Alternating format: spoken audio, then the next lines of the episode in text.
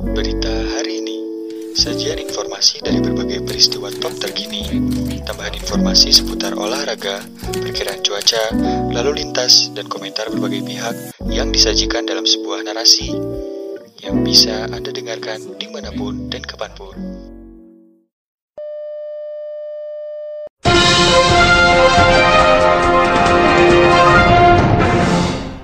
Pemirsa berita hari ini datang dari dunia nasional. Polisi menyebut kasus kematian Naba Faiz berumur 10 tahun warga-warga Salakan Bangun Harjo Sewon Bantul yang meregang nyawa usai menyantap sate beracun berawal dari rasa sakit hati tersangka NA 25 tahun terhadap sosok bernama Tommy. Di Reskrimum Polda DIY Kombes Pol Burkan Rudi Satria mengatakan kasus ini diduga kuat salah sasaran. Tersangka NA yang merupakan warga asli Majalengka, Jawa Barat sedianya tidak berniat mengincar nyawa Naba, melainkan kenalannya bernama Tommy. Motifnya adalah sakit hati karena ternyata si target Tommy ini menikah dengan orang lain tidak dengan dirinya atau NA. Kata Burkan saat sesi konferensi pers di Mapores Bantul, Senin 3 Mei 2021. Dikatakan Burkan baik Tommy dan NA sebelumnya ini memang sempat memiliki hubungan asmara. Tommy pegawai negeri, tegas Burkan tanpa merinci instansi tempat yang bersangkutan bekerja. Di sisi lain, Burkan melanjutkan polisi masih perlu memastikan siapa sebenarnya yang diincar oleh NA untuk melampiaskan rasa sakit hatinya terhadap Tommy. Sementara belum bisa disimpulkan apakah targetnya T atau Tommy atau keluarganya imbuh Burkan. NA perempuan asli Majalengka, Jawa Barat diringkus di kediamannya Potorono Bangun Tapan, Bantul pada Jumat 30 April lalu usai diduga menjadi penyebab kematian Naba Faiz Minggu 24 April silam. Naba Faiz warga Salakan Bangun Harjo Sewon Bantul DIY meninggal dunia usai mengonsumsi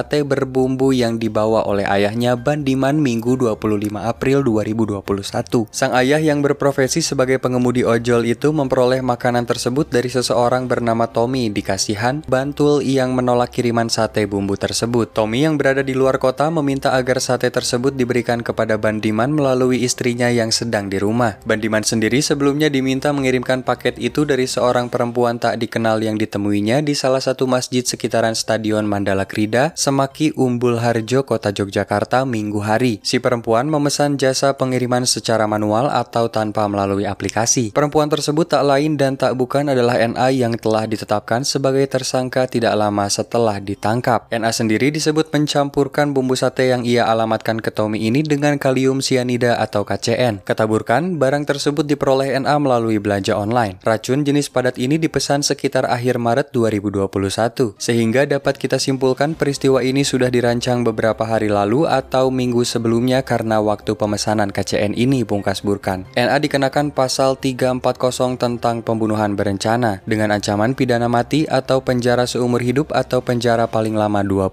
tahun. Pemirsa itulah berita hari ini mengenai sate beracun Bantul bermula dari sakit hati ditinggal menikah. Untuk Anda yang ingin mendapatkan notifikasi berita hari ini, Anda dapat mengirimkan email dengan subjek notifikasi saya ke email terhubung berita hari ini at gmail.com secara gratis. Terima kasih telah mendengarkan, tetap patuhi protokol kesehatan selama COVID-19. Saya Zaid pamit undur diri, sampai jumpa di berita-berita berikutnya.